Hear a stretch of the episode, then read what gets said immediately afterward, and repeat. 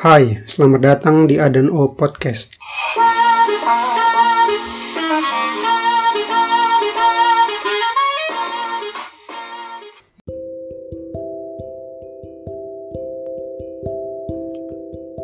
Launching training bahasa Jerman bagi 3000 lulusan SMA, SMK, se-NTT untuk program vokasi dan training industri ke Jerman di SMK Negeri 4 siang hari ini.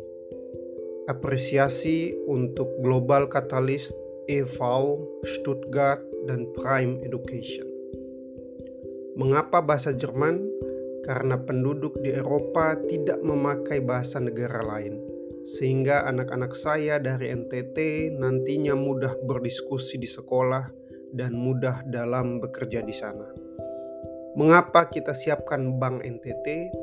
Karena ini strategi ekosistem, sehingga jika ada yang tidak sanggup bisa ditanggung tanpa perlu agunan, seperti ekosistem yang sudah dikerjakan di program TJPS Pertanian.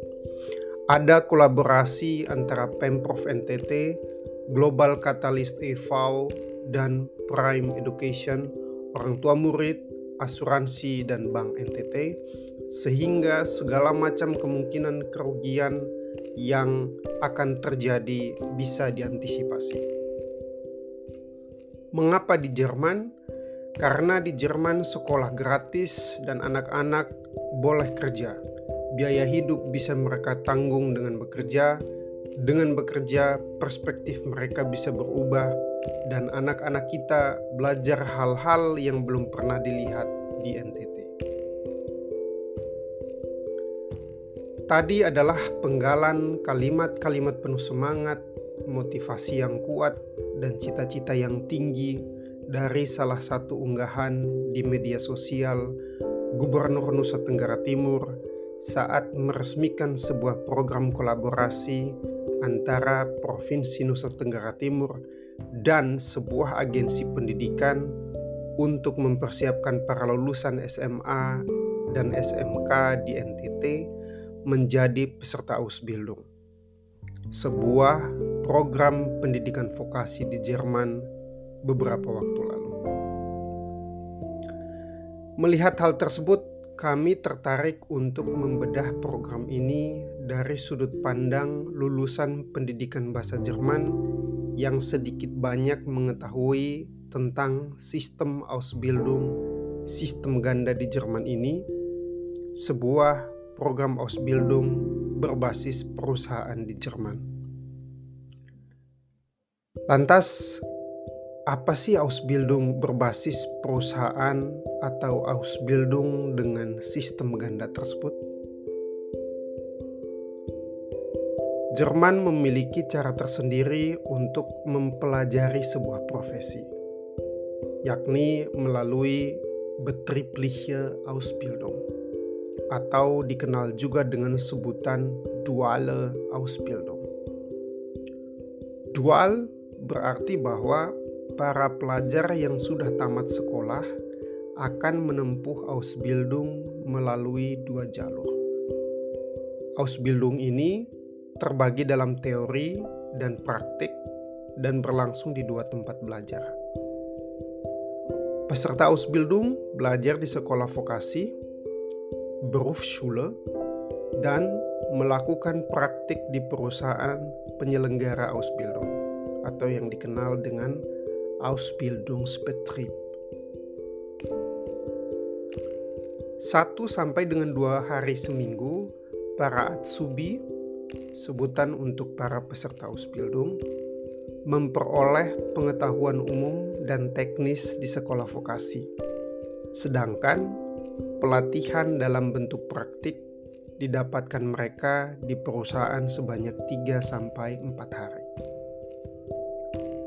Durasi Ausbildung tergantung dari profesi Ausbildung. Namun, biasanya berkisar antara 2 sampai 3 setengah tahun.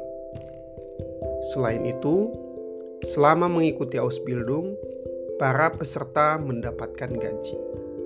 Oleh karena itu, para Atsubi akan mendapatkan upah dari tahun pertama mereka melakukan praktik magang di perusahaan. Ausbildung akan selesai jika Atsubi berhasil melewati ujian akhir dengan sukses. Selama masa Ausbildung, para Atsubi mengisi buku laporan, Berichtsheft, untuk mencatat secara berkala apa saja yang telah mereka kerjakan dan pelajari.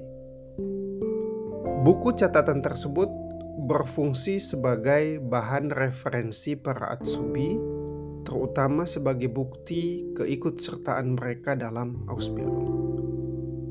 Dalam kasus tertentu, buku laporan harus ditunjukkan sebagai syarat untuk mengikuti ujian di tengah masa Ausbildung.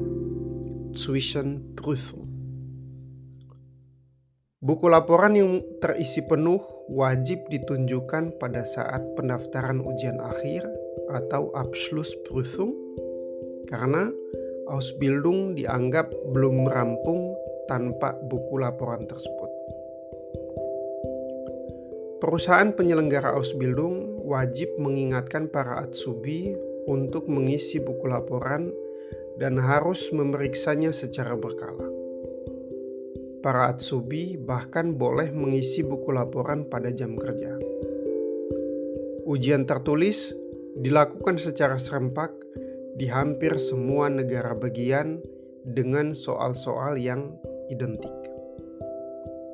Karena itu, hasil ujian dapat dibandingkan satu sama lain secara nasional. Angka yang diraih pada kedua ujian menjadi dasar penentuan angka keseluruhan. Lantas, bagaimana gambaran nyata Ausbildung sistem ganda di Jerman? Perusahaan penyelenggara Ausbildung bertanggung jawab untuk memberikan yang pertama, pelatihan dasar profesi, dua, kemampuan, keterampilan, dan pengetahuan spesifik profesi, dan ketiga, pengalaman kerja pertama dengan sekitar 70% praktik. Sedangkan sekolah vokasi bertanggung jawab untuk memberikan satu pengetahuan umum yang berisi mata pelajaran-mata pelajaran umum. Kedua, pengetahuan spesifik profesi dan ketiga, teori pengetahuan dasar sekitar 30%. Sebelum Ausbildung dimulai, pihak perusahaan dan Atsubi menandatangani kontrak Ausbildung profesi.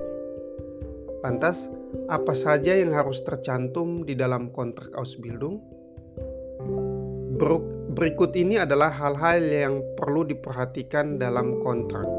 Yang pertama, deskripsi dan tujuan Ausbildung profesi. Yang kedua, awal mulai dan durasi Ausbildung. Yang ketiga, kegiatan Ausbildung di luar tempat Ausbildung. Yang keempat, jam kerja harian. Yang kelima, durasi masa percobaan atau Probezeit. Yang keenam, pembayaran dan besar upah. Yang ketujuh, hak cuti. Yang kedelapan, persyaratan pemutusan hubungan kerja. Dan yang kesembilan, petunjuk mengenai kesepakatan kerja bersama atau tarif Verträge dan perjanjian kerja lainnya. Selama Ausbildung, peserta Ausbildung mendapatkan upah. Besaran gaji yang diperoleh Atsubi berbeda-beda karena beberapa faktor penentu. Selain tergantung dari jenis masing-masing profesi, hal lain yang juga ikut menentukan adalah bidang industri, urusan ukuran perusahaan, lokasi perusahaan, yaitu kawasan atau negara bagian, dan apakah berlaku kesepakatan kerja bersama atau tarif vertrag. Menurut sebuah studi yang dilakukan oleh BIBB, Bundesinstitut für Berufsbildung, penghasilan rata-rata nasional seorang Atsubi pada tahun 2019 berdasarkan upah Ausbildung yang ditetapkan lewat kesepakatan kerja bersama adalah 939 euro kotor per bulan. Sebuah pertanyaan penting kemudian adalah apakah gaji Atsubi masih cukup untuk menutupi biaya hidup di Jerman setelah nanti akan dipotong sejumlah iuran? Saran kami, carilah informasi selengkapnya mengenai setiap profesi Ausbildung. Jika sisa neto terlalu sedikit, tersedia fasilitas bantuan untuk peserta magang yang tidak lagi tinggal bersama orang tua mereka. Dalam kondisi tertentu, Atsubi yang bukan warga negara Jerman pun berhak memperoleh bantuan finansial dari negara.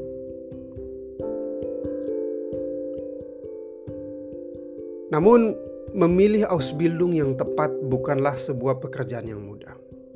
Seringkali terdapat beberapa faktor yang berperan dalam pemilihan tempat Ausbildung. Misalnya, keberagaman tugas dalam sebuah profesi, peluang mengembangkan diri, dan prospek yang baik di pasar tenaga kerja.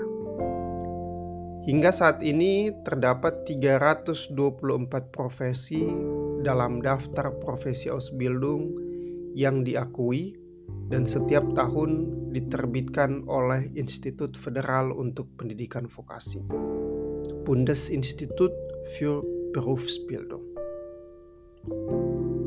Peminat Ausbildung dari Indonesia hanya dapat melamar profesi Ausbildung yang termasuk dalam kelompok Mangel Beruf, yaitu bidang pekerjaan yang paling banyak mengalami kekurangan tenaga terampil secara regional dan atau nasional.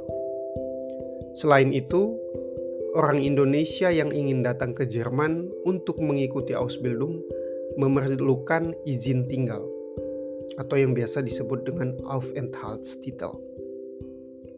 Yang mana dengan izin tinggal tersebut memperbolehkan mereka mengikuti Ausbildung berbasis perusahaan.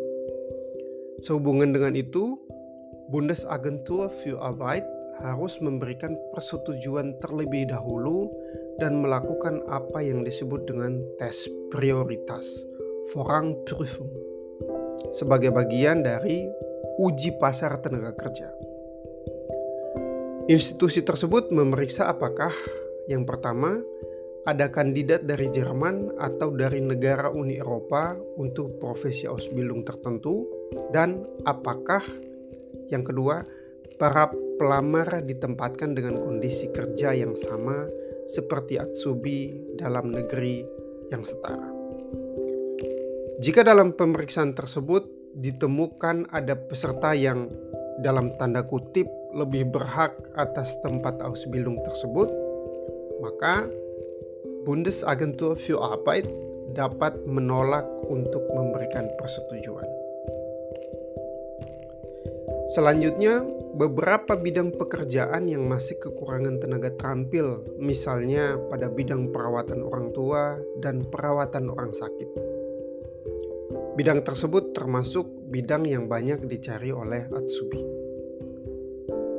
Profesi keperawatan secara umum memang sedang menghadapi kekurangan tenaga terampil.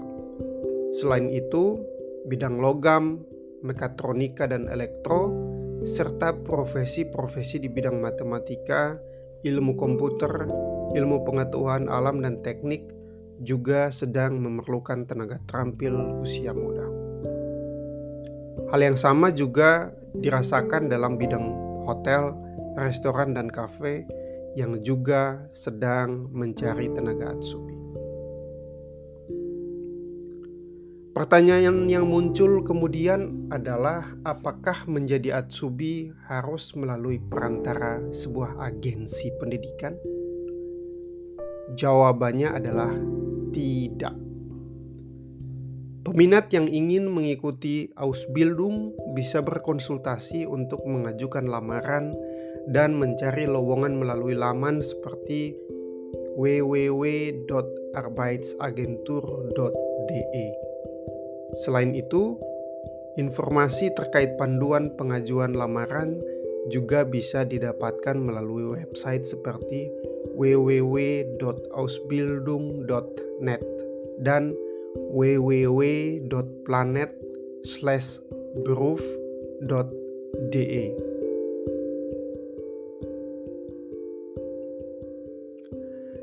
Salah satu poin terpenting adalah semakin baik kemampuan bahasa Jerman yang kalian miliki, akan semakin besar kemungkinan kalian berhasil dalam pendidikan atau pelatihan kalian kelak di Jerman.